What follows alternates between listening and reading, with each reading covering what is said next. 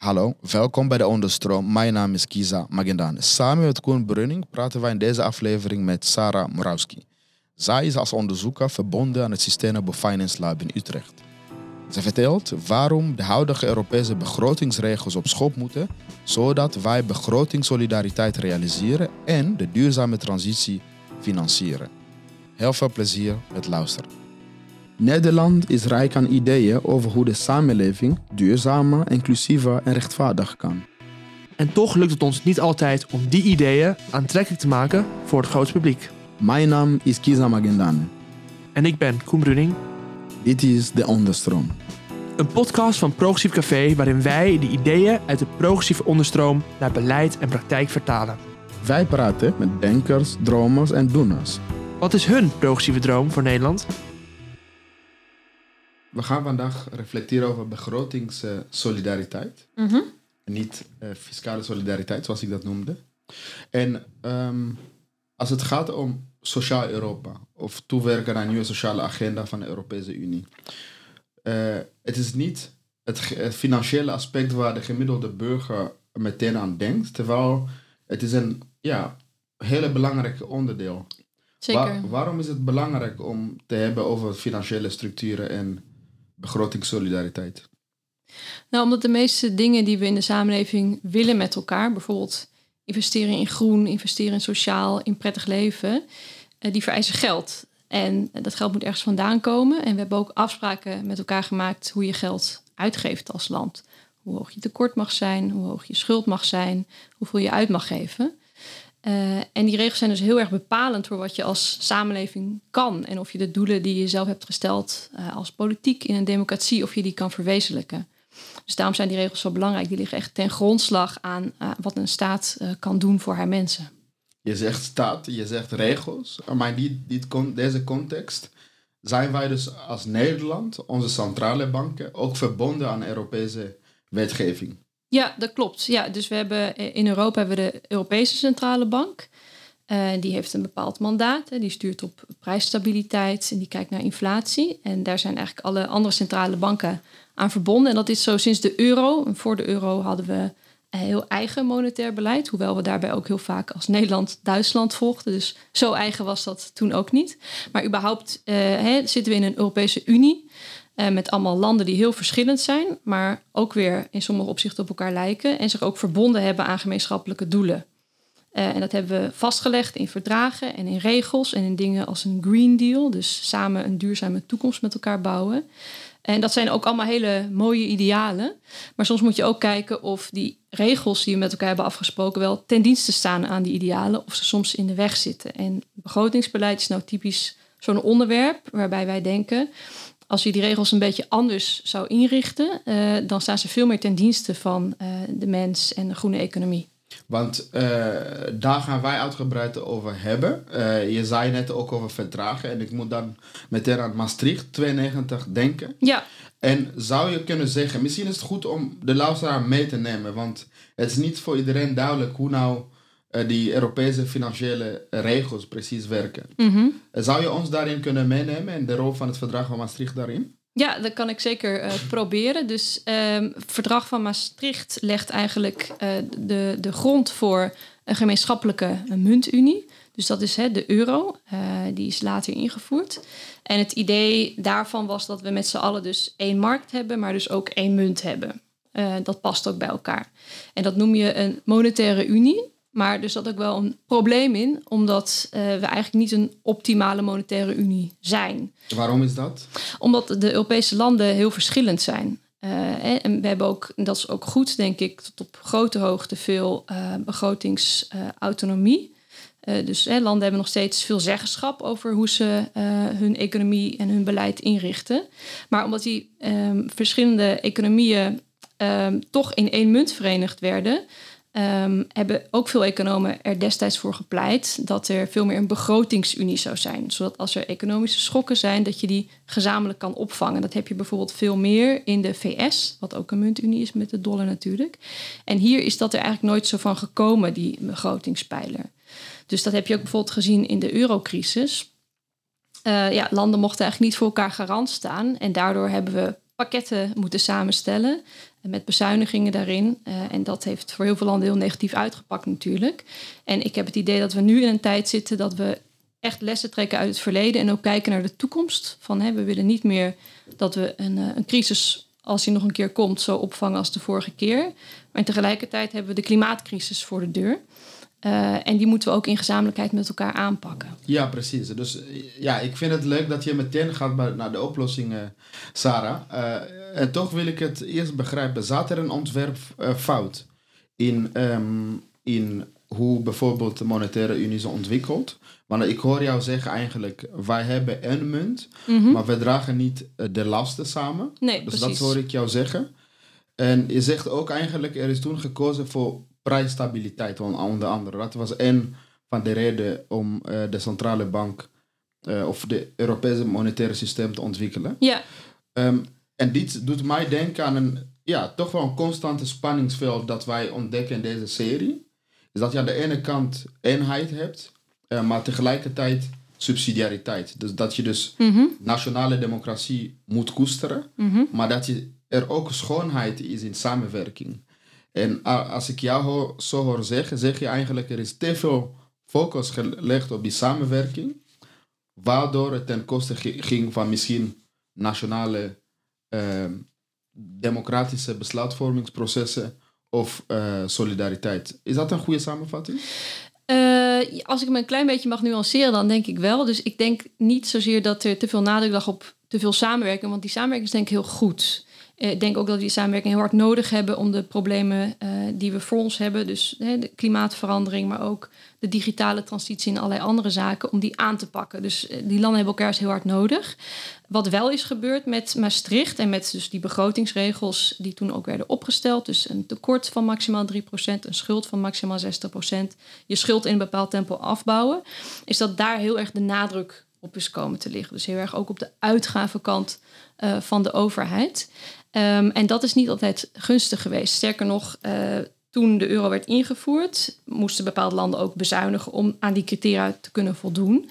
En later in de eurocrisis hebben ze dat dubbel zo hard teruggekregen natuurlijk. Toen ze ook weer die regels moesten naleven. En dat is voor heel veel landen gewoon onmogelijk gebleken. Dat zou ook nu, uh, na de coronacrisis, absoluut onmogelijk zijn. Maar als het gaat om solidariteit, uh, we hadden het net al even over die muntunie, één markt, één munt. Die muntunie is in zekere zin inderdaad niet helemaal afgemaakt. Ook omdat we maar een hele kleine Europese begroting hebben. Dat is maar ongeveer 1%. Dus er is ook niet zo heel veel slagkracht in de EU om die solidariteit te bewerkstelligen. En ik denk dat het een probleem is, omdat ook in Maastricht bijvoorbeeld staat. Uh, de EMU is er ook voor om ervoor te zorgen dat landen naar elkaar toe groeien. Dat heet convergentie. Dus dat er eigenlijk meer solidariteit komt. Dat je dat ook met elkaar organiseert. Dat landen uh, op een gelijkere voet komen te staan. Want dan kun je ook beter functioneren als één muntunie. Maar die regels hebben landen soms ook juist uit elkaar gedreven. En dat komt door de euro? Nou, het is denk ik te makkelijk om te zeggen dat het door de euro komt. Ik denk dat het komt door wel die strenge regels en ook hoe daarmee is omgegaan natuurlijk. Uh, en je ziet ook dat bijvoorbeeld het antwoord van Europa op deze crisis echt anders is dan bij de eurocrisis. De coronacrisis bedoel je? Ja, want die regels zijn nu juist losgelaten uh, via een speciale ontsnappingsclausule in het verdrag. Uh, en dat betekent dat landen nu juist geld mogen uitgeven uh, om hun economie te stutten en ook die stap te zetten naar de energietransitie. Dus er is ook echt voortschrijdend denken. En het gaat natuurlijk heel erg om hoe je met die regels omgaat. Maar er is nu ook een evaluatie van de regels, waarbij gezegd wordt van nou ja, we willen eigenlijk niet de oude regels weer opnieuw invoeren, want we zien dat dat niet werkt. We zien ook dat dat niet haalbaar is. Als je nu gaat vragen van een land als Italië om heel snel de schuld terug te brengen, dan krijg je weer een eurocrisis. Dat willen we niet. En tegelijkertijd, en daar kunnen we het straks nog over hebben, want minister Kaag zet daar ook stappen in, onze minister van Financiën, willen we ook uh, dat landen ruimte hebben om te investeren in de toekomst. Onder andere de groene transitie. Ja, absoluut, maar ook oude problemen. Hè? Dus de productiviteit die achterblijft, vergrijzing, gebrek aan investeringen in uh, RD en dat soort dingen. Dus ik, ik denk dat, uh, ja, dat, dat er echt een kanteling gaande is, dat er heel veel kansen liggen. Ja, en als we het hebben over die begrotingsregels en ook wel refererend aan het gesprek wat Ruben Stift, een van de redacteuren van Postcafé, samen met Kisa in Maastricht heeft gehad met Mathieu Segers, mm -hmm. uh, hoogleraar Europese politiek onder andere en geschiedenis, dat hij eigenlijk ook aankaart dat het Europees project, de, de Monetaire Unie, eigenlijk niet alleen een uh, project van de markt was, waarbij eigenlijk vooral een economische Unie was, maar ook dat het nooit echt verder na over nagedacht is omdat het meer een project was om Duitsland en Frankrijk uh, aan zich te binden. Mhm. Dat is meer de historie waar je ook net op in bent gegaan.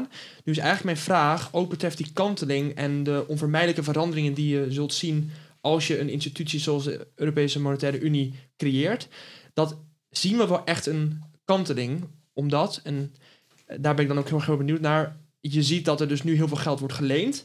Alleen op het moment dat die rentes bijvoorbeeld weer gaan stijgen. We zien bijvoorbeeld nu dat de Europese Centrale Bank, als ik het goed heb, de rentes weer langzaam aan het verhogen is. Ja, klopt. Zal dan vervolgens niet dat sociale beleid daar weer onderweg kwijnen? Of zie je echt dat, dat uh, het beeld uh, van die begrotingsregels en hoe daarover nagedacht echt fundamenteel nu veranderd is? Ook als je kijkt naar het rentebeleid van de ECB, kan zeggen van nou ja, hè, als dat nu gebeurt, als de rente omhoog gaat, dan kun je ook zeggen uh, dan is het nu ook aan um, regering om naar voren te stappen en te investeren. En zeker in het zuiden.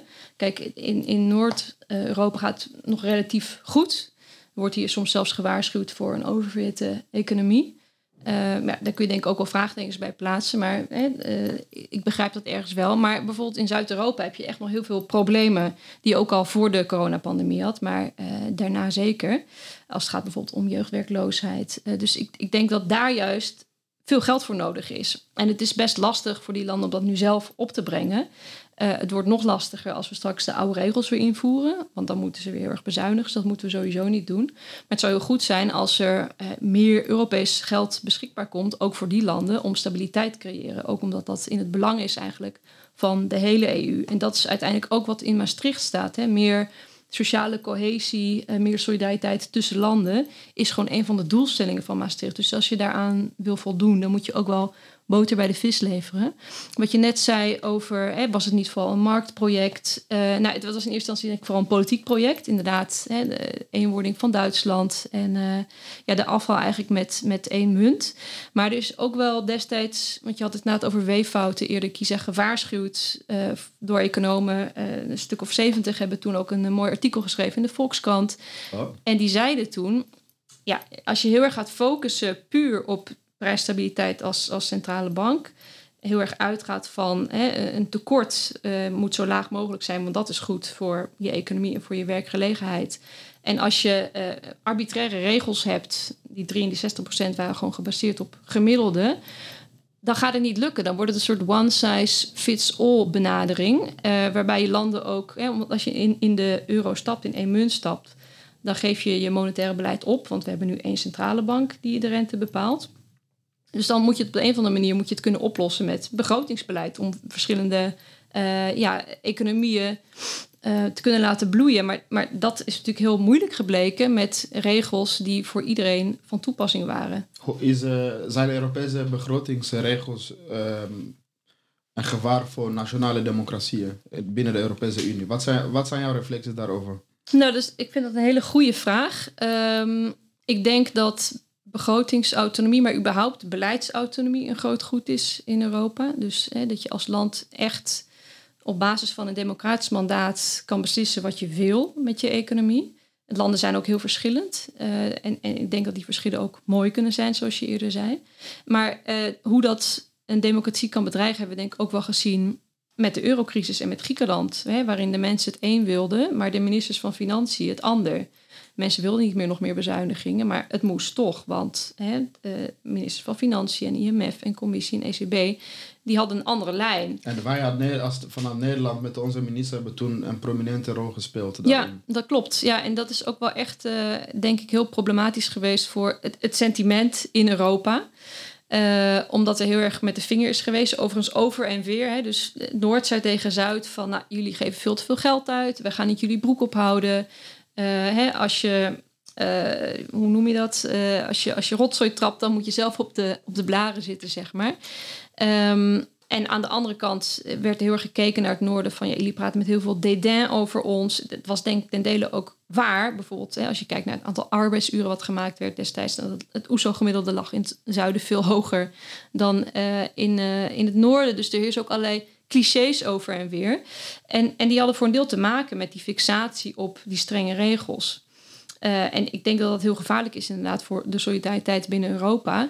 Juist omdat we elkaar uh, wel echt nodig hebben om, om die stappen te zetten richting dingen die we allemaal van belang vinden. Zoals uh, een groene toekomst, maar ook infrastructuur, luchtkwaliteit, allemaal dat soort dingen. Dat zul je toch met elkaar moeten oplossen.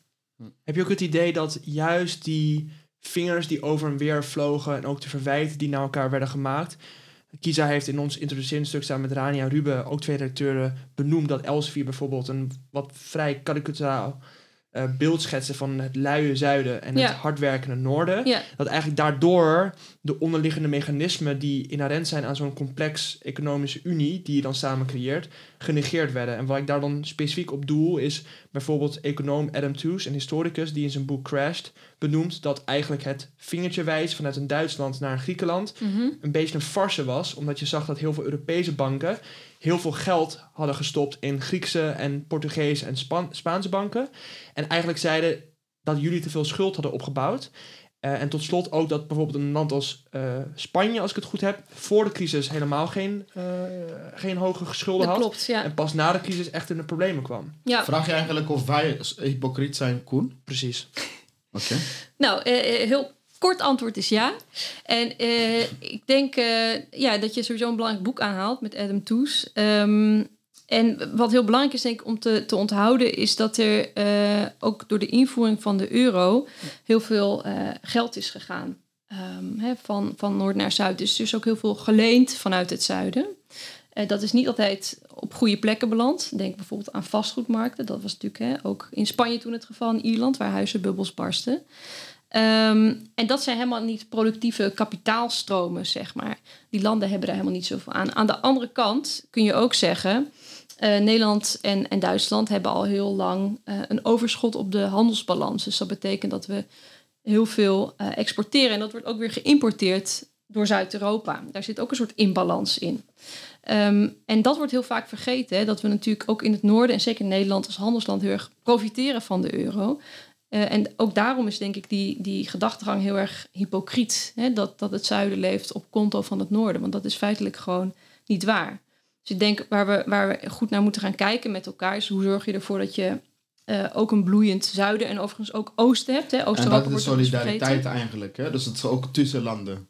Absoluut. Dus niet dat één deel profiteert van een monetaire beleid... maar dat je gezamenlijk daarvan profiteert. En dat was ook het gedachte van die sociale convergentie, als ik het woord even goed begrijp. Ja. En dat staat nu dus onder druk. Jij zegt ook net, er waait een andere wind. Misschien moeten wij de spelregels um, veranderen. Ja. Om echt die, uh, landen en burgers in staat te stellen om investeringen te doen die noodzakelijker zijn. Om Mhm. ook misschien die convergentie te herstellen. Zou jij ons kunnen meenemen in, in dat wind dat waait zowel in Nederland en jij werkt voor een denktank, Ja. Sustainable Finance Lab. Wat zijn zo'n beetje de ideeënvorming over um, hoe het anders moet? Nou, sowieso merk je dat, uh, dat er in Europa een ander sentiment heerst. Uh, en dat zijn dus echt, wat ik eerder al noemde, de lessen die ook uit de eurocrisis getrokken worden. Dus men ziet heel erg in de regels zoals we die nu hebben, die zijn eigenlijk arbitrair. Daar is destijds waarschijnlijk terecht voor gewaarschuwd. Uh, we hebben gezien in de crisis wat het betekent als je landen dwingt om, om zich te formeren naar die uniforme regels. De schulden zijn nu heel erg hoog. Dus hè, als je nu gaat eisen van Italië en andere landen dat ze dat terugbrengen, dan heb je weer een crisis. Dus dat is denk ik een heel belangrijke. We zijn echt lessen uit het verleden aan het trekken.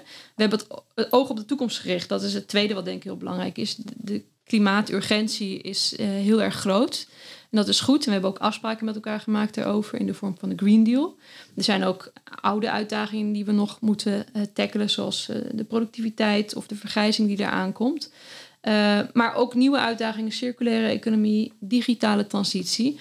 Um, dat willen we allemaal, maar daar is ook geld voor nodig. En we zien dat die bestaande regels uh, eigenlijk, eigenlijk ja, niet, over, niet in de prullenbak moeten, maar die moeten hervormd worden. Ja. Voordat we deze doelen kunnen realiseren. Ja, en minister Kaag die ziet dat ook. Dus die heeft sowieso op een aantal momenten in een brief aan de Kamer, in haar Europa-lezing, maar recent ook in een paper, wat ze heeft geschreven met haar Spaanse collega, minister van Financiën, heeft ze gezegd van ja, we moeten wel regels hebben die oog hebben voor die um, doelstellingen die we onszelf hebben gesteld. Uh, met name als het gaat om de duurzame energietransitie. Dus er moeten uh, groeivriendelijke plannen komen. En ze, ze pleit ook voor meer eh, landenspecifieke plannen. Dus zij ziet ook van nou ja, die regels die kunnen niet allemaal op dezelfde manier op alle landen worden toegepast. Dat heeft niet zoveel zin. We hebben gezien wat daarvan komt. Zie bijvoorbeeld de eurocrisis. Dus er moet meer ruimte voor verschil zijn. Als je tussen de regels doorleest, schrijft ze dat eigenlijk. Um, waarbij landen dus zelf ook met plannen komen um, hoe ze bijvoorbeeld gaan investeren in die duurzame toekomst. Ook wel hoe ze die schulden gaan terugbrengen. Maar er moet dus per land gekeken worden naar wat is reëel en wat is wenselijk. En dat moet op een manier gebeuren die niet de economie schaadt. Ja. Dus ik vind dat echt een heel ander geluid, ook als je kijkt naar hè, de reeks van ministers hiervoor. Uh, die toch heel erg zaten op, nou, we hebben die regels nu helemaal met elkaar afgesproken. We kunnen er niet van afwijken. We moeten strenger gaan handhaven. Landen houden zich er niet aan. Uh, en, en Kaag zegt eigenlijk van, nou ja, het is niet zozeer dat die de regels niet werken omdat uh, landen ze niet handhaven. Maar als die landen ze niet kunnen handhaven, is er misschien wel iets mis met die regels. Dus ik, ik zie proef bij haar veel meer ruimte om te kijken naar wat is er per land uh, wenselijk en wat is er mogelijk. Uh, en het is sowieso al heel erg verrassend, denk ik, dat zij een paper heeft geschreven met een Spaanse collega. Voor een Nederlandse minister van Financiën. En dat moet voor jou als muziek in de oren klinken. Zeker. Omdat je werkt voor Sustainable Finance Lab. Uh, jullie missie is om dus ook rekening te houden met de natuur. Dus dat de economie niet ten koste gaat van het milieu. En het secretariaat zit bij de Universiteit Utrecht. Ja, klopt. Um, hoe hangt deze nieuwe wind samen met het werk dat jullie proberen te bewerkstelligen? En hoe spelen jullie daarin een rol? Want jullie hadden onder andere een brief aan het Europese Centrale Bank. Dus jullie spelen een actieve rol als denktank in uh, dit debat. Ja, absoluut. Um, nou, Sustainable Finance Lab uh, probeert inderdaad theorie en praktijk te overbruggen. En steekt altijd een hand uit naar de beleidspraktijk. Dus ik denk dat dat een hele uh, belangrijke waarde is van Sustainable Finance Lab. Gewoon op basis van goede ideeën, gevoed door al die wetenschappers die lid zijn van Sustainable Finance Lab. Uh, met echt praktijkgerichte oplossingen te komen. Maar ook daarvoor te gaan lopen. Dus het, het, denken stopt niet als je een mooi idee hebt. Dan moet je het ook nog implementeren in de praktijk. En daar Hoe doen jullie dat? Nou, bijvoorbeeld inderdaad door brieven te schrijven, maar ook door te praten met beleidsmakers. Zoals, of podcasts. Of podcasts op te nemen. Nou, en de kennis overdragen. Ja, dat is absoluut ook een belangrijk deel. Zeker als het gaat over moeilijke thema's zoals dit, is het echt belangrijk dat mensen het goed kunnen volgen. Dat ze op de hoogte zijn van het debat. En dat ze ook gaan nadenken over eh, dingen die soms als vanzelfsprekendheid worden aangenomen, zoals hè, de overheid is een huishoudboekje of dat soort dingen. Maar is dat wel zo? Dus daar begint ook het denken. Maar ik denk zeker ook als het gaat om die duurzaamheid. Sustainable Finance Lab bestaat tien jaar. We hebben afgelopen week ons jubileum gevierd. Uh, en is eigenlijk al heel erg vroeg begonnen met duurzaamheid op de kaart zetten. Uh, zeker als het gaat om duurzaamheid binnen de financiële sector of hoe finance dienstbaar kan zijn aan een duurzame toekomst. Is dat een linkse hobby trouwens? Vroeg ik mij af. Duurzaamheid. Ja, of het type werk dat jullie doen. Want het is toch echt, echt het uitdagen van de status quo om anders te denken. Maar jullie hebben best wel een brede netwerk aan economen. Maar ik kan mij voorstellen dat het type werk dat jullie doen als een linkse hobby gezien wordt? Misschien door sommigen uit het extreemrechtse spectrum, dat zou best kunnen. Uh, ik denk wel dat de kracht van Sustainable Finance Lab is dat er zoveel verschillende professoren bij zitten. Dus het zijn uh, volgens mij inmiddels meer dan 25 leden eh, zeer divers. En die treden ook uh, ja, bijvoorbeeld bij Buitenhof en allerlei radioprogramma's of via papers treden zij op, ook in naam van Sustainable Finance Lab. En ze hebben echt niet allemaal dezelfde opvattingen, maar ze hebben wel allemaal uh, een, passie voor, ja, een passie voor duurzaamheid. En zien ook heel erg het belang van duurzaamheid hoger op de agenda krijgen. En ik denk niet dat het een linkse hobby is. Um, ik denk dat duurzaamheid iets is wat iedereen aangaat en dat mensen dat ook heel erg goed begrijpen. Ik begrijp ook de angst die mensen ervaren bij klimaatverandering of de weerstand die zij voelen bij bepaalde milieumaatregelen. Maar dat heeft volgens mij veel meer te maken met überhaupt uh, hoe onze samenleving uh, is ingericht en het wantrouwen wat is gegroeid jegens de politiek en de, de bestaansgronden daar weer van. Dus dat, dat is een hele eigenstandige, denk ik, sociologische vraag. Maar ik denk dat, dat heel veel mensen heel goed begrijpen dat we één planeet hebben die we graag willen doorgeven aan kinderen en kleinkinderen, waar we goed voor moeten zorgen.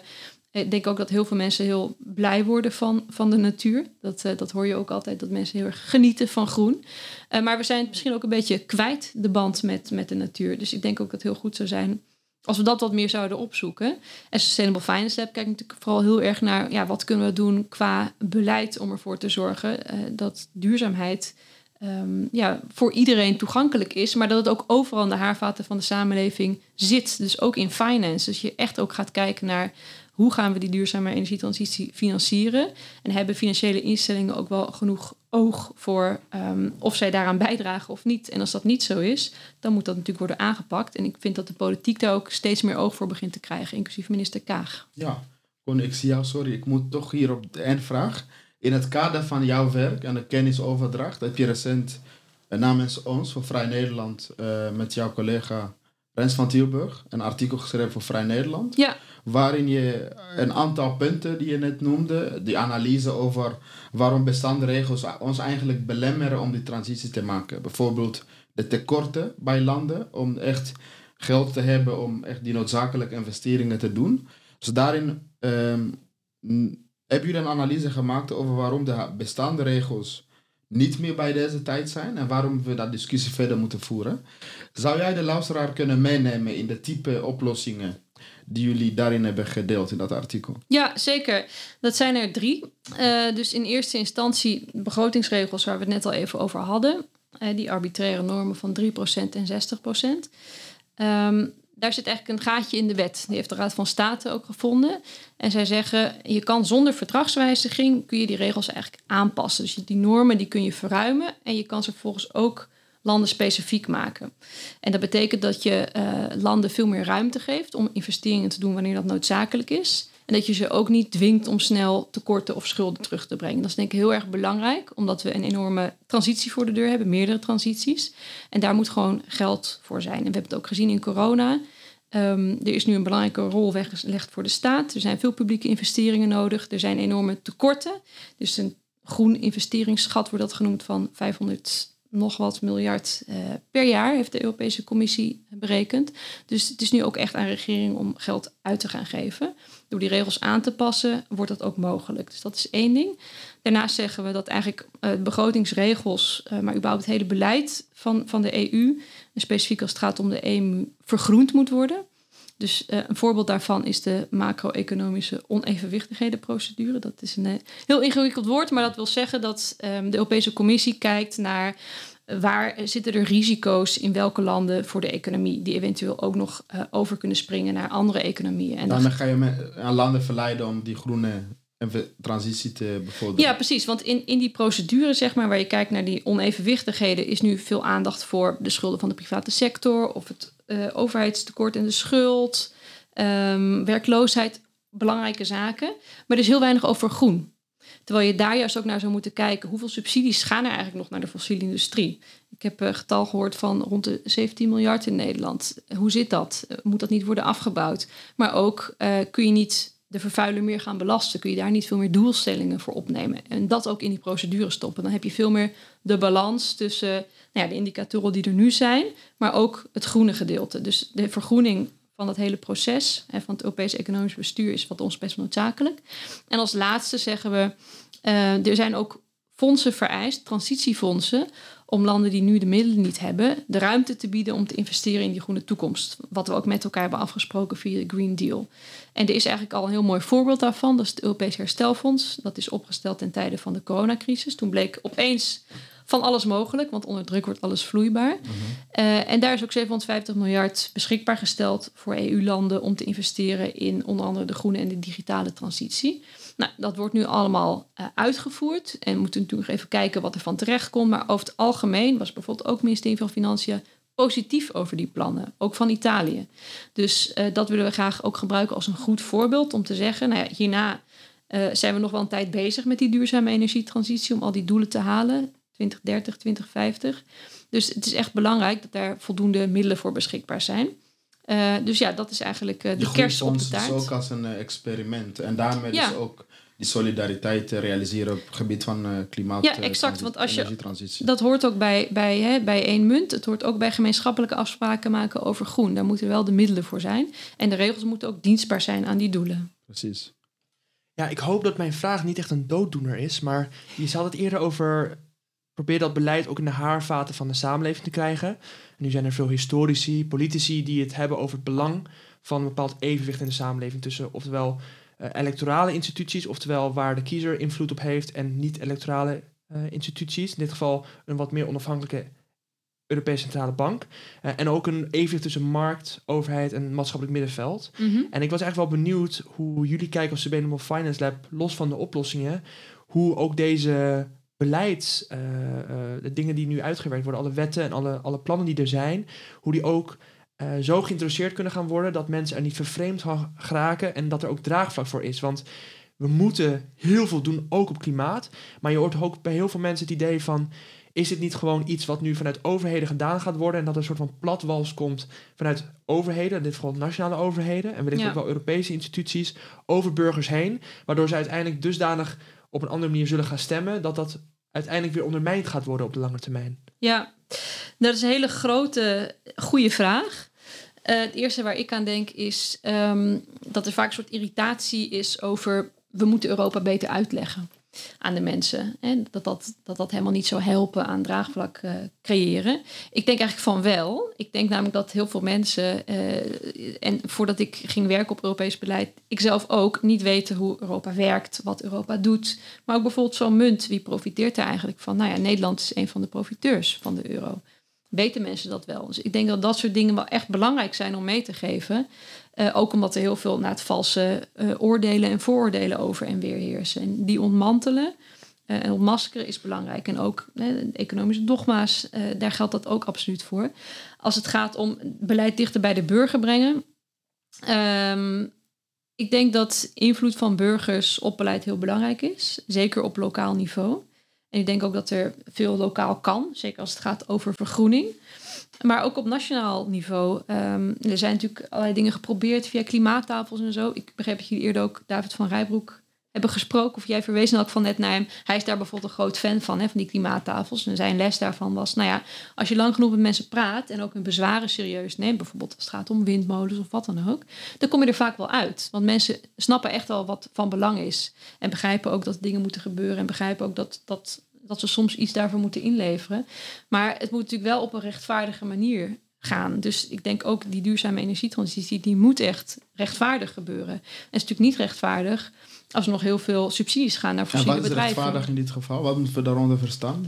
Nou, dat je, dat je dus echt ook gaat kijken naar bijvoorbeeld de grote vervuilers. Hè? Dragen die wel genoeg bij? Eh heffen we genoeg belasting daarop? Eh, geven we niet te veel subsidie aan hen? Vandaar ook onze nadruk op de vergroening van dat eh Europees economisch bestuur. Dat soort dingen verdienen echt nog wat meer aandacht. En ik snap ook heel goed dat mensen daar boos van worden als dat niet zo is.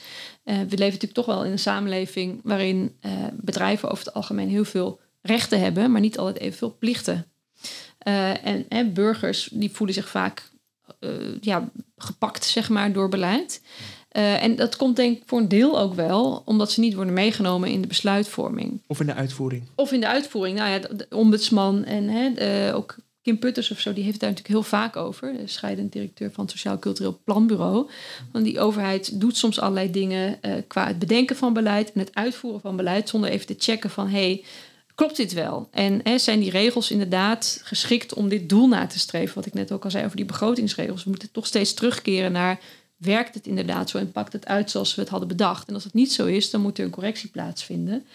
En ik denk dat ja, burgers vaak de best geïnformeerden zijn om te kunnen beoordelen of die regels die voor hun op, eh, op hun van toepassing zijn, werken of niet. Ja. Dus daar zouden we gewoon veel meer een platform voor moeten hebben, denk ik.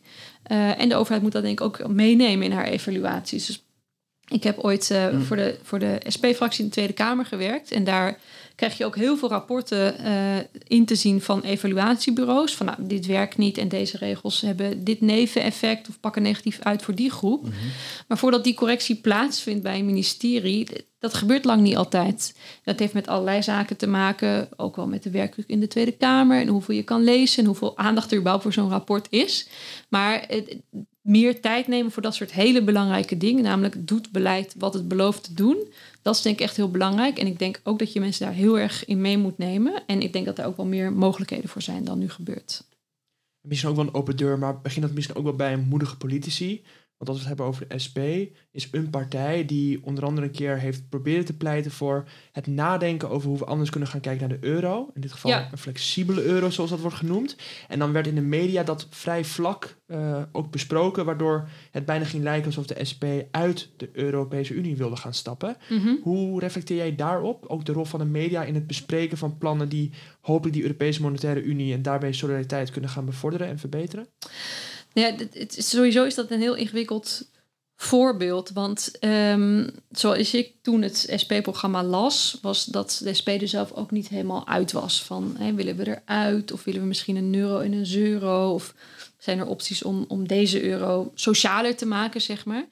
Dat is best ingewikkeld. Want wat zijn de alternatieven? Je hebt net de drie punten genoemd die jullie hebben gepleit in het artikel. Die gaan meer over het eh, echte beleid. ja, klopt. Eh, maar de euro is ook een punt van discussie, want je zei ook net, op, op de vraag van Koen iets een stap verder te brengen. Mhm. Nederland is een van de netto-profiteur, profiteurs Ja, van de euro. Eh, met name door onze economie gericht op, eh, op, eh, Export. export. Ehm, wat zijn, ik weet niet hoe, hoe jij de debatten volgt, ehm, voor de luisteraar. Wat zijn zo, je hebt net euro, euro genoemd, of Koen heeft het over flexibel euro. Wat zijn de alternatieven voor de euro voor mensen die op dit moment het idee hebben dat de euro niet voor iedereen werkt? Ja, het is een hele ingewikkelde vraag. Kijk, ik denk zelf dat we eh, moeten proberen om van de euro een succes te maken. Want we hebben nu helemaal met elkaar afgesproken, we gaan die munt invoeren. Het betekent niet dat hè, wat je afspreekt, dat dat niet omkeerbaar is. Maar eh, ik denk zelf dat als je die begrotingsregels aanpast, als je meer solidariteit in de vorm van fondsen organiseert, als je gaat vergroenen, ehm, hè, als je überhaupt gewoon een, een, een Europese economie creëert gericht op eh, bijvoorbeeld Europese goederen, wat voor ons allemaal van belang is, dat die euro ook veel meer kans van slagen heeft. Eh, en ook meer zo gevoeld wordt als hij is van ons allemaal, zeg maar. Maar dan moet je een politieke gemeenschap worden. Eh, Dan- dat is de implicatie. Een daarvan. gedeeld verhaal. Nou ja, dat, dat is wel een van de scenario's. Eh, ik, ik denk overigens niet dat we daar nu per se aan toe zijn. Dat hoeft ook nu niet te gebeuren eh, om de euro zoals hij nu is, met bijvoorbeeld die voorstellen die wij nu naar voren schuiven, verder te brengen. Maar het is wel iets om over na te denken, denk ik, voor de toekomst. Hè. Wij zijn eh, een continent verbonden door markt en munt eh, met een Green Deal en allerlei andere afspraken. Ehm, ook als je lid wil worden van de EU, dan moet je aan allerlei eh, regels en, en rechtsstatelijkheden en dat soort dingen voldoen. Dus we zijn eigenlijk een soort club samen. Een waardegemeenschap. eh. Een waardegemeenschap ook. Ja. Dus ja, en, en of dat eh, opgelost kan worden door echt een politieke gemeenschap te worden, bijvoorbeeld in de vorm van gemeenschappelijke lijsten voor het Europese parlement en zo, daar geloof ik wat minder in. Want ik denk echt dat mensen eerst echt moeten gaan zien en voelen van hè, er zijn bepaalde dingen die van ons allemaal zijn, die we ook in gezamenlijkheid met elkaar moeten oplossen. Eh, ook omdat heel veel problemen natuurlijk gewoon grensoverschrijdend gedeeld zijn. Ja. Ja, en, en er zijn natuurlijk ook wel echt tekortkomingen binnen de EU, democratische tekortkomingen. Dus mensen voelen ook heel erg van het is een ver van mijn bedshow. Je hebt daar ergens die Europese Commissie. Ik heb geen idee wat die doen. Hoe zit dat? En ik denk dat daar ook nog wel heel veel verbetering mogelijk is. En je ziet het trouwens ook aan iemand als onze premier Rutte en aan meerdere politici. Soms is het van ja, er moet iets van Brussel. Eh, en, en op andere momenten ehm, ja, eh, eh, komt Europa eh, een premier wel weer heel goed uit en is het Ze- Hosanna. Ze nemen mensen niet meer uit. Had Mathieu ons ook uitgelegd dat ze een bepaalde gemakzucht. Maar ik vond het gesprek tussen Koen en jou zojuist mooi als het ging om de eh, democratische gehalte. Mhm. Bijvoorbeeld van die energietransitie. En wat je ziet is, eh, in jullie analyse reflecteren jullie ook over die technocratische karakter van het ECB. Mhm. En ja, tot, toch wel een bepaalde vorm van legitiem gebrek aan democratische controle. Denk je dat zo'n eh, klimaattafels of eh, de, de meer deliberatieve vormen van democratie zou de Europese Unie zouden kunnen helpen om tastbaar te, te zijn voor de gewone burger?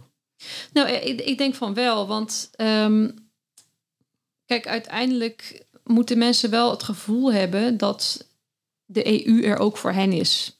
Ehm, en ik denk dat we de EU nu op een manier hebben ingericht dat mensen dat onvoldoende zien. En dat komt dus bijvoorbeeld ook doordat hè, Rutte, als het hem uitkomt, zegt het moet van Brussel. En op andere momenten zegt nee, het komt hartstikke goed uit. We krijgen geld van Brussel, hartstikke mooi.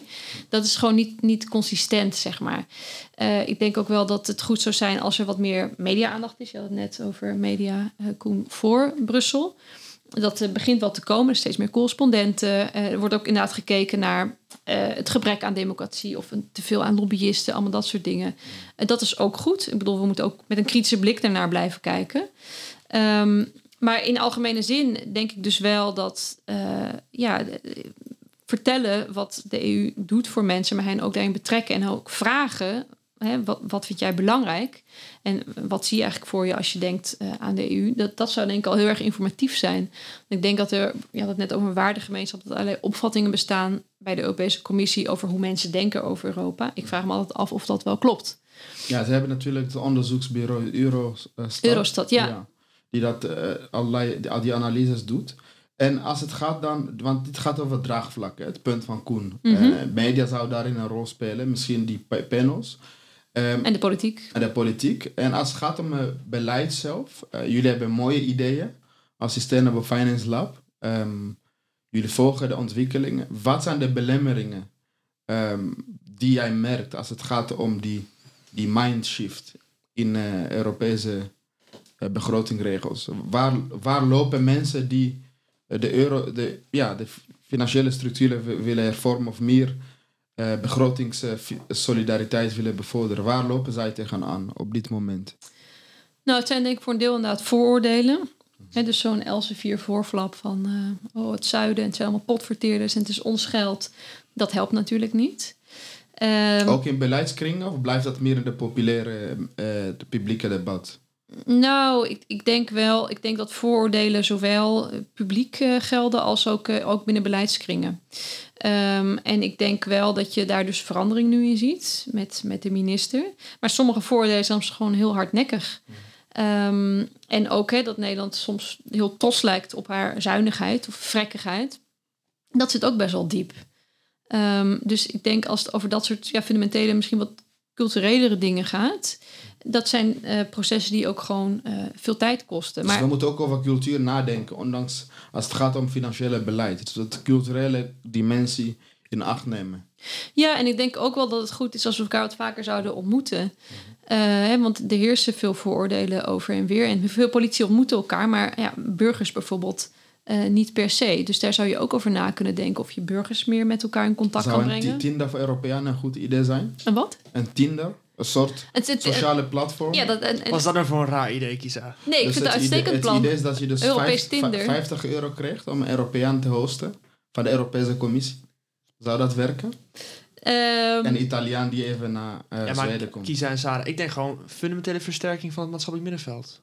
En wat moeten we daaronder verstaan, Koen? Ik denk dat je gewoon... Europese gemeenschap... Ja, nu, ga ik, nu, ga ik, nu ga ik mijn mening geven als een host, maar... Ja, maar dat, dat is het mooie aan deze podcast. Kijk, het is een gesprek. Ja, ik, ik, vind het wel een grappig idee. Alleen ik denk ook wel dat het heel erg vanuit de gedachte komt dat wij het wel kunnen regelen dat mensen elkaar gaan ontmoeten. En natuurlijk zijn overheden en instituties daar dienend aan om dat te bevorderen.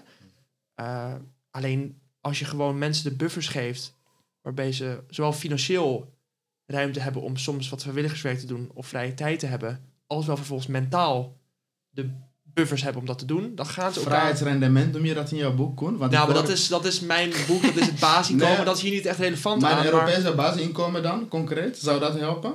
Dat is een vorm, maar ik denk dat het vooral belangrijk is dat we ook burgers, en dat debat speelt natuurlijk ook in Nederland, gaan vertrouwen. En als je burgers vertrouwt, dan geven ze uiteindelijk ook meer ruimte om zelf te bepalen hoe zij hun leven invullen. En het Europees project moet daarbij, volgens mij dan, zowel centralistisch zijn, dus wij in dit geval een bepaalde elite, probeert die Europese Unie bij elkaar te houden en daar ook concreet een waardegemeenschapsidee aan, mee aan vorm te geven. Maar ook moet een project zijn door burgers. Spontaniteit. Uh... En dat begin je niet alleen door concreet beleid en ervoor te zorgen dat burgers een stem hebben in die instituties, maar volgens mij ook door burgers gewoon buffers te geven om zelf te kijken aan de hand van al hun creatieve ideeën hoe zij aan de Europese Unie iets bij willen dragen. En zoiets als een Tinder ja, het is een grappig idee, maar ik zie wel eens vaker dat er vanuit de Europese Unie dingen zijn geïntroduceerd waarvan ik dan achteraf denk, oké, wat is daar nu echt mee gebeurd? Want volgens mij zijn het vooral de wat meer universitair opgeleiden die zo'n Tinder dan bereikt. Maar juist de mensen... Die, gaan via Erasmus, hè? Dus dit moet voor gewone mensen zijn. Maar even, ja, ja maar inderdaad Erasmus voor, voor een veel bredere groep beschikbaar stellen. Mag ik nog één ding aan toevoegen? Want ik, ik denk als het gaat over wat is er nodig... hoe breng je mensen dichter bij elkaar bij de EU... Nou, aan de ene kant is dat denk ik inderdaad stoppen met bepaalde dingen doen stoppen met die verwijten over en weer maken, maar ook inderdaad leren van hoe we het niet moeten doen uh, ten tijde van de eurocrisis met dat bezuinigingsbeleid. Want dat heeft natuurlijk heel veel mensen gekeerd tegen de EU. overigens ook in Nederland, hè, waar te hard is bezuinigd. Dus dat, dat heeft allemaal geen zin. En tuurlijk, je kan zeggen, het zijn uiteindelijk de regeringen die het beleid uitvoeren, maar hè, met een beroep op die Europese regels. En ook wel met de stok achter de deur van toen ter tijd de trojka, die er natuurlijk bovenop zat, zeker in het zuiden. Um, maar ik denk ook dat je moet kijken naar hoe gaan we inderdaad meer richting een sociaal en een groen Europa. Want er is natuurlijk hè, in, in die 30 jaar verdrag van Maastricht is heel veel de nadruk gelegd op die begrotingsregels, op de monetaire unie. Uh, nou, er worden nu ook stappen gezet om iets meer richting misschien een begrotingsunie te gaan. Maar dat gaat ja, met horten en stoten. Want mm, ja, mensen willen op dit moment, en ja, dan is een beetje de vraag wie, wie mensen is. Want er is eigenlijk best wel veel draagvlak voor solidariteit. Maar Nederland heeft uh, altijd wel gezegd van nou ja, we willen niet meer geld aan de EU gaan uitgeven. Dat gaat nu denk ik veranderen met Kaag, hè, die ook echt wel heel erg pro-Europees is. Maar ik denk wel dat dat echt een verwaarloosde kant is. Uh, binnen de EU, dat, sociale Europa. is echt, maar ook dicht bij de mensen brengen. En ook het inderdaad dicht bij de mensen brengen. Want het, het kan niet zo zijn dat uh, zoiets belangrijks en groots als Europa en de Europese Unie, dat dat inderdaad vooral een elitair project is. Ik bedoel, als je probeert überhaupt te begrijpen hoe uh, een, een, Europese wet tot stand komt, dat is vrijwel onmogelijk. Dat is ontzettend ingewikkeld. Uh, ik heb de eer gehad om even in het Europese parlement bijvoorbeeld te hebben mogen werken. En dan leer je het van binnenuit. Maar dat is bijna niet na te vertellen. Het is echt een complex proces. Uh, en ik denk ook wel dat, dat instituties zich dat niet altijd beseffen. Als je heel erg in je eigen uh, bubbel zit, en ook al ben je daar heel erg bevlogen over, of misschien juist, dan vergeet je soms van hé, hey, hoe zit het eigenlijk met de buitenwereld? Weet hij nog wel wat ik aan het doen ben? Zijn er genoeg checks en balances? Hebben mensen het gevoel dat ze toegang hebben tot de beleidsmakers? Want dat is echt wel belangrijk, dat je gewoon als, als hè, object van beleid gewoon kan aankloppen bij degene die over het beleid gaan. Uh, als er iets mis is. En ik denk ook dat beleid überhaupt meer iets gemeenschappelijks in gemeenschappelijkheid tot stand zou moeten komen. Ik hoor een pleidooi van Europese sociale contract in wat jij zegt. Ja, dat zou ik heel mooi vinden. Ja, absoluut. Ik, ik weet niet wat je er precies mee bedoelt, maar ik, ik denk dat we wel meer moeten gaan kijken naar hoe maken we Europa socialer en groener en met elkaar. En dat het niet een project is wat van bovenaf uh, wordt opgelegd. En al helemaal niet als het gaat inderdaad om, om dingen als uh, bezuinigingen. Ja, ik zie jou uh, glunderen, Koen. Ja, ik heb mijn vinger omhoog van, oh, dit is wel heel goed. Het is gewoon heel mooi. Maar, maar ik wilde jouw idee ook verder brengen, Koen, als het uh, mag. Want jij zegt, uh, dat maatschappelijke middenveld, dat de Europese Unie zou daarin een rol kunnen spelen. Dus niet dat we alleen maar richten op het individu, maar dus ook gemeenschappen. Um, ik ben benieuwd, hoe denken jullie daarover? Wat zou dit in de praktijk concreet betekenen? Was, het betekent dus dat Europa van boven eigenlijk een rol zou kunnen spelen om lokale gemeenschappen te ondersteunen en daarmee dus ook tastbaar te worden. Ik, ik, uh, ik maak nu even mijn eigen versie van wat je vertelt. Maar wat, hoe, hoe moet ik dat voor me zien? Moet ja, het via ik, subsidies ik, gaan? Of? Ik denk dat hetgeen we net beschreven het wel goed omvat. Gewoon dat je ervoor zorgt dat binnen zowel nationale als die Europese instituties er ook een bepaalde gedachtegang ontstaat dat het oké is om die institutionele logica's, die bubbels waar Sarah het over heeft, soms even los te laten. En ervoor te zorgen dat er structureel tegenmachten bestaan in je samenleving, voortkomend uit die buffers die mensen zelf hebben. En om terug te komen op wat Sarah eerder zei over hoe er ook binnen ministeries na wordt gedacht over bijvoorbeeld iets als bezuinigen. Want ook daar moet je dus vervolgens die tegenmachten in denken creëren. Ik heb wel eens gehoord van iemand die bij het ministerie van Financiën werkte, dat ten tijde van Koen Teulings, die toen directeur was aan het CPB, als ik het goed heb. Hij toen pleitte tegen bezuinigen, dat hij als een soort van linkse wappie werd gezien. En dat is heel kenschetsend voor de mate waarin je dus inderdaad binnen instituties in een bubbel kan zitten. En eigenlijk niet de stem van die burger dus uitnodigt. Het tegengeluid is dan afwezig. En die stem van de burger, en dat is mijn punt ook, komt ook volgens mij veel meer door, ook in de media en daarbij ook bij de beleidsmakers, als die burgers de buffers hebben om ook daadwerkelijk op welke manier mogelijk toegang te krijgen tot die media of toegang te krijgen tot een politicus of politica die vervolgens datzelfde geluid in de media kan gaan agenderen en ervoor te zorgen dat we dus hopelijk een wat meer gebalanceerd beleid krijgen, wat hopelijk dan weer dienend is aan welk soort democratisch ethos, draagvlak, sociaal contract dan ook. Wat is een buffer? Een buffer is gewoon een financiële buffer hebben. Moet de Europese Unie bijdragen aan een buffer voor iedere Europeaan? Ik vind dat elke Europeaan als vloer, of je dat nu via iets als een basisinkomen doet of wat dan ook, gewoon zijn wasmachine moet, om het even klein te maken, zijn of haar wasmachine, een Europeaan haar wasmachine moet kapot kunnen gaan zonder dat ze meteen in de schulden komen. Ja, en om daar nog even aan toe te voegen, denk ik. ehm, kijk, dat verdrag van Maastricht heeft allerlei dingen beloofd. En die beloftes zouden eigenlijk ook ingelost moeten worden. En dat is vanwege die strenge begrotingsregels en de fixatie daarop. Maar ook vanwege het feit dat er ja, eigenlijk gewoon niet genoeg geld beschikbaar is voor bepaalde doelstellingen, is dat niet gebeurd. Dus ik denk ook dat dat prioriteit zou moeten hebben, ook binnen de Europese beleidskamers. Eh, en de nationale, eh, het aanpakken van armoede, van ongelijkheid, ook eh, de divergentie, dus de grotere ongelijkheid tussen landen die aan het ontstaan is binnen Europa. Dat zijn echt hele grote problemen en dat zijn hele primaire dingen, denk ik, die ook het draagvlak onder nou, steun voor politiek, maar ook gewoon Europa aan zich heel erg ondermijnen. Hm. Dus de- ik denk dat dat echt heel erg prioriteit zou moeten krijgen. Mooi. En ehm, wat zouden wij vanuit Nederland hierin een rol kunnen spelen? Nou, ik denk dat minister Kaag eigenlijk al een heel goede rol speelt. Sowieso lijkt ze echt een beetje afscheid te nemen van de gedachte dat Nederland als een soort leider van andere vrekkige, eh, bezuinigingsgerichte landen voorop moet lopen in het streng handhaven van de regels. Zij zegt nee, we moeten toe naar een, nieuwe set regels. Er moet meer ruimte zijn voor investeringen, groeivriendelijke plannen, eh, landenspecifieke regels eh, die ervoor zorgen dat landen meer ruimte krijgen om eh, hun schulden af te bouwen. Bijvoorbeeld, dat vind ik allemaal hele positieve stappen. Ze heeft bijvoorbeeld ook dat Europees Herstelfonds omarmd. Daar waar de vorige minister zei van wij moeten er niks van hebben, wij gaan geen plannen indienen. Ze heeft gezegd nee, dat is een van de bouwstenen van Europese solidariteit. Dus dat is hartstikke goed. Dus ik zou er heel erg voor pleiten dat de minister eh, door blijft gaan op die weg. En inderdaad ook onverwachte allianties sluit, zoals met partners uit Zuid-Europa. Want daarmee laat je ook zien eh, dat je samen Noord en Zuid, maar je zou het ook kunnen doen tussen Noord en Oost, ehm, voor hetzelfde pleit. En ik denk ook dat het echt belangrijk is om daarbij te benadrukken dat we bepaalde dingen alleen maar in Europees verband met elkaar kunnen doen. Echt de, unusual aspecten opzoeken. Niet uh, standaard naar Duitsland, maar ook met Portugal of Spanje ook Ja. voor iets pleiten. Zeker en ook gewoon echt interesse tonen in wat speelt er nou eigenlijk in die landen. En, en dat ook meenemen, vind ik, in je politieke verantwoording richting burgers in Nederland. Eh, hè, dat, je, dat je je solidariteit laat zien in plaats van te zeggen eh, in het zuiden zijn het alleen maar potverteerders. Maar gewoon zegt van nou, Portugal, Spanje, prachtig land, ze doen hard hun best vanwege dit en dit. Eh, wij hebben ook veel aan hun, want zij importeren veel van onze goederen. Maar zij moeten zelf ook de mogelijkheid krijgen om hun eigen economieën en, en arbeidsmarkten op te bouwen. Dat is uiteindelijk in ieders belang. Dat is ook wat we met elkaar hebben afgesproken via het verdrag van Maastricht. Ik denk dat iedereen in Europa ook wel snapt dat, dat we allemaal graag een, een goed en prettig leven willen.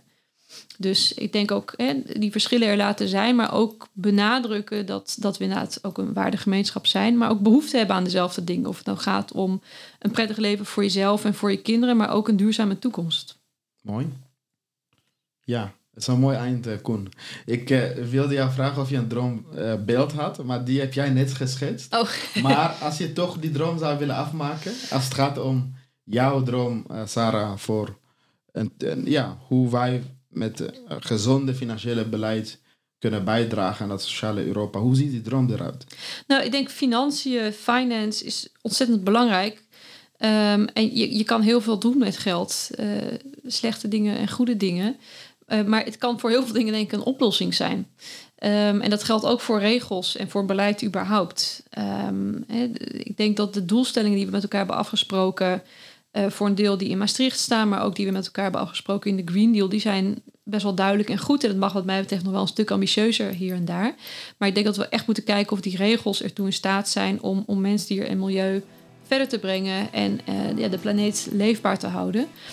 Eh, en wat mij betreft, dat vond ik ook wel een, een leuk onverwacht thema... draagvlak en mensen meenemen... en echt luisteren naar wat mensen te zeggen hebben... en ze ook inspraak en invloed geven... is wat mij betreft ook een ontzettend belangrijke. Want eh, wat mij betreft is politiek en beleid iets van ons allemaal. En niet alleen van, van een bestuurlijke elite. En dat betekent echt dat mensen ook eh, de mogelijkheid moeten hebben om, eh, om mee te praten en invloed uit te oefenen. Niet alleen voor burgers, maar ook van burgers. Ja, maar het ook echt doen. En niet alleen zeggen. Dat vind ik belangrijk. Want het wordt natuurlijk altijd wel gezegd. Maar je moet ook hè, de proof of the pudding is in the eating. Dat ook uit de praktijk blijken. Mooi. Dankjewel, Sarah. Heel hartelijk. Graag gedaan. Dankjewel.